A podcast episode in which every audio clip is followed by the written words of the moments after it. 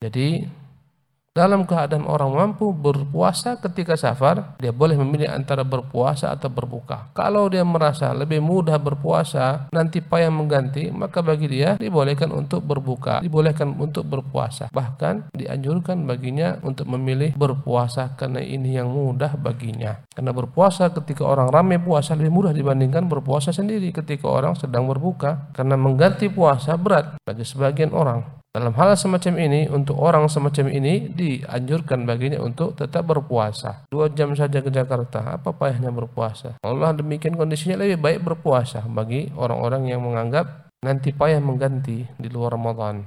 Sulit menjadi hutang baginya. Inilah hukumnya.